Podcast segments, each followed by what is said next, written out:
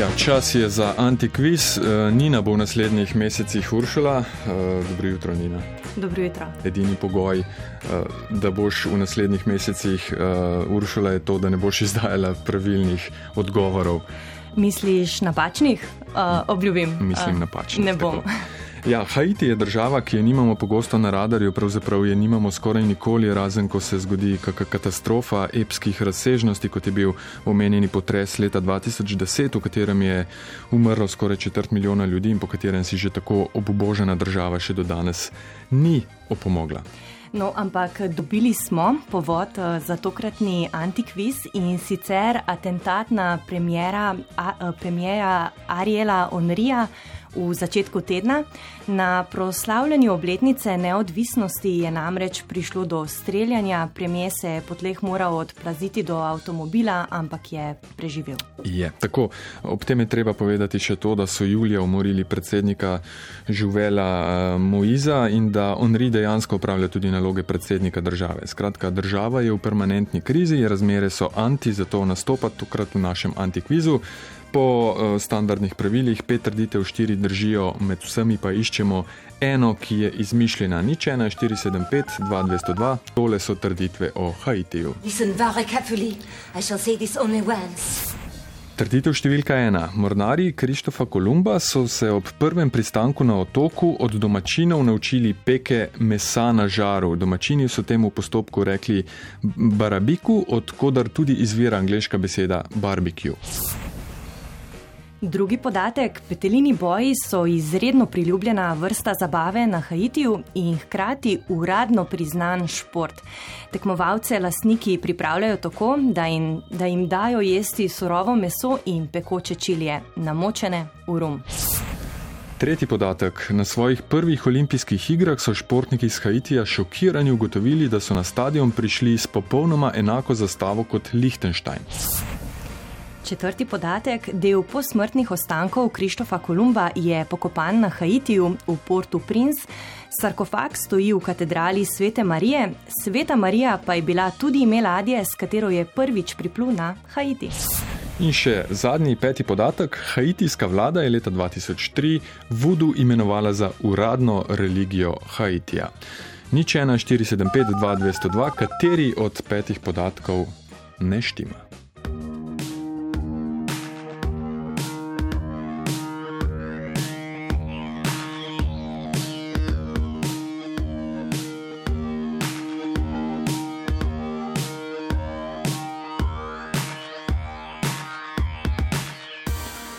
Iščemo torej med petimi eh, podatki o Haitiju, tistega, ki ne drži, imamo pa v izbiri uh, barbecue, uh, peko mesa na žaru, ki izvira z Haitija, pa imamo petelinje boje kot uradno priznan šport, imamo uh, zastavo Haitija in uh, praktično enako zastavo Liechtensteina, pa imamo uh, Kolumba, ki je pokopan na Haitiju in imamo vudu kot uradno religijo Haitija od leta 2003. Nič 1475, 2202, kateri od teh eh, petih podatkov oziroma od petih trditev ne drži.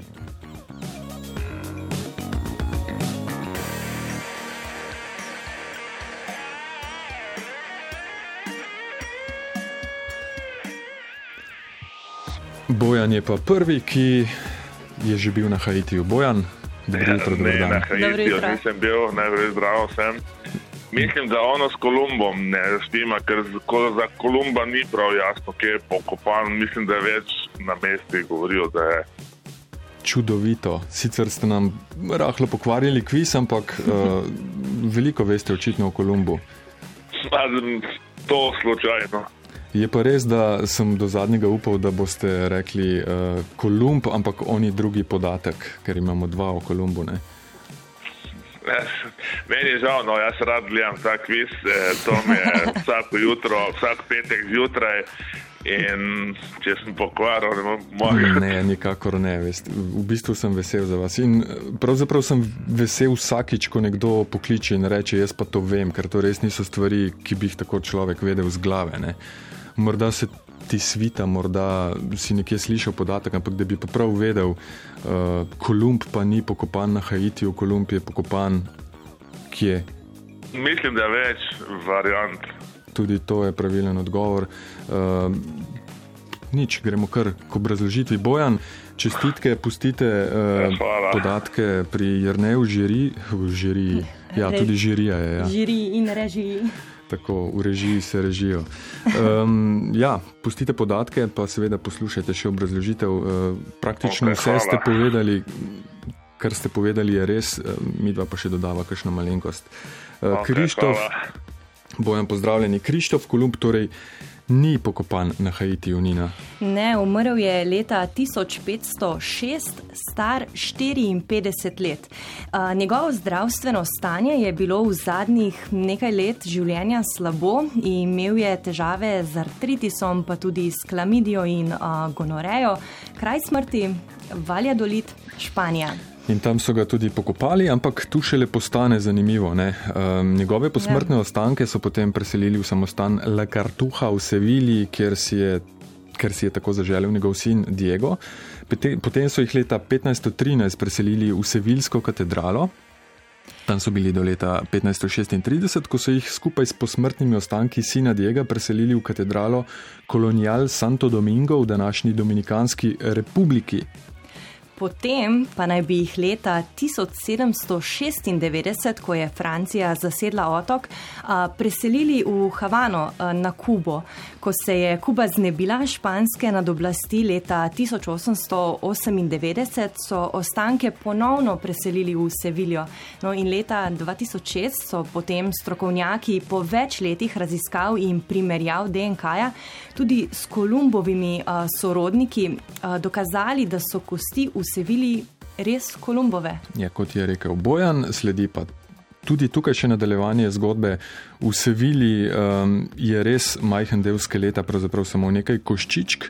Ostali deli bi lahko bili uh, v Dominikanski republiki, v katedrali Svete Marije v Santo Domingu, glavnem mestu Dominikanske republike, ampak v tamkajšnjem. Uh, Pač v katedrali uh, oblasti ne dovolijo odprtja sarkofaga in DNK analize ostankov, torej morda so tam, verjetno so še kje drugje, uh, niso pa najbrž na Haitiju, vsaj ne uradno, ampak uh, potrjeno zgolj in samo v Sevilji.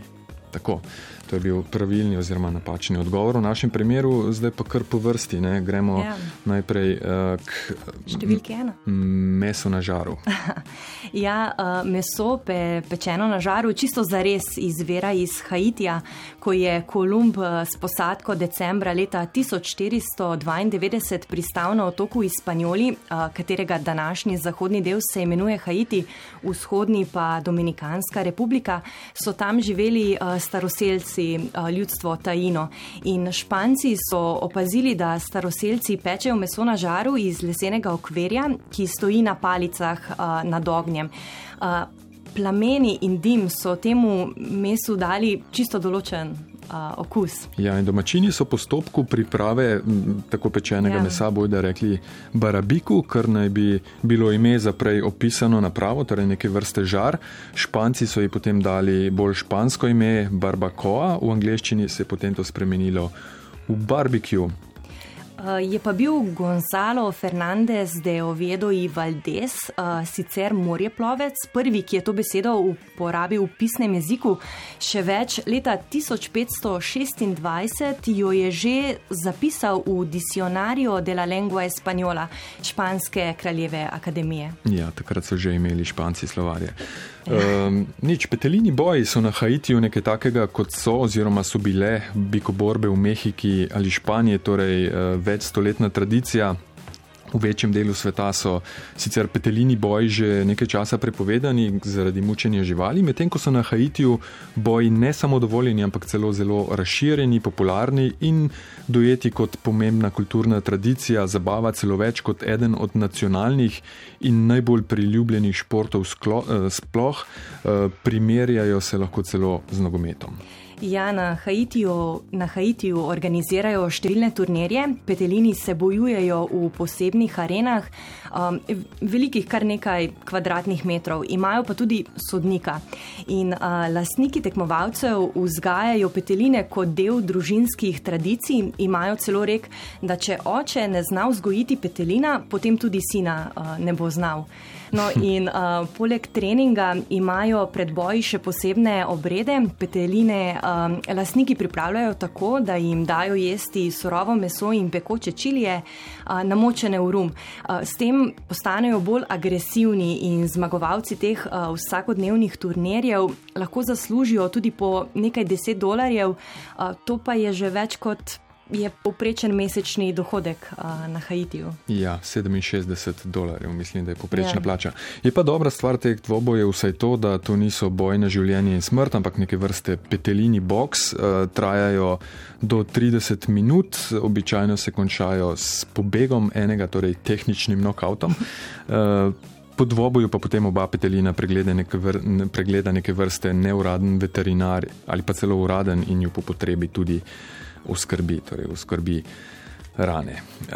Podatek o zastavah. Leta 1936 so potekale olimpijske igre v Berlinu. Haiti je tam torej na olimpijskih igrah nastopal že prej, od leta 1900, Liechtenstein pa prvič prav leta 1936.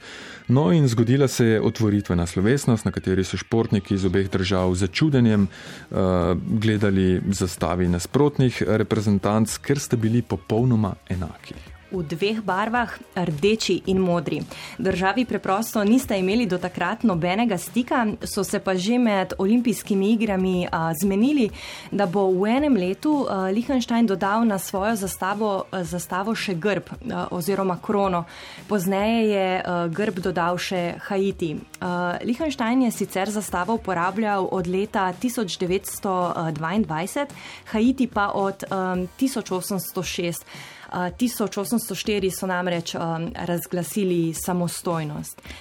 Ja, in še samo tale zanimivost okrog nastanka haitijske zastave. Prvi vladar Haitija po osamosvojitvi v začetku 19. stoletja, izpod francozov, seveda, je bil Jean-Jacques Dessalines. Država je nastala po uporu sužnjev in je v bistvu prva uradna država s temnopoltim prebivalstvom na svetu. Skratka, Dessalines je bil vzel v roke francosko zastavo, iz nje iztrgal srednji beli del, vemo najbrž zakaj, in naročil naj zašijajo nazaj ostala dva dela, modrega, ki predstavlja temnopolte prebivalce Haitija, in rdečega za ostale mešanih ras.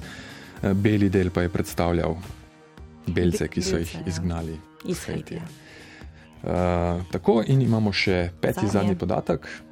Ja, haitijska vlada je leta 2003 uh, vudu res razglasila za uradno religijo Haitija oziroma eno od uradnih religij Haitija. Uh, na Haitiju se sicer dobra polovica ljudi opredeljuje za katolike, 30 odstotkov za protestante.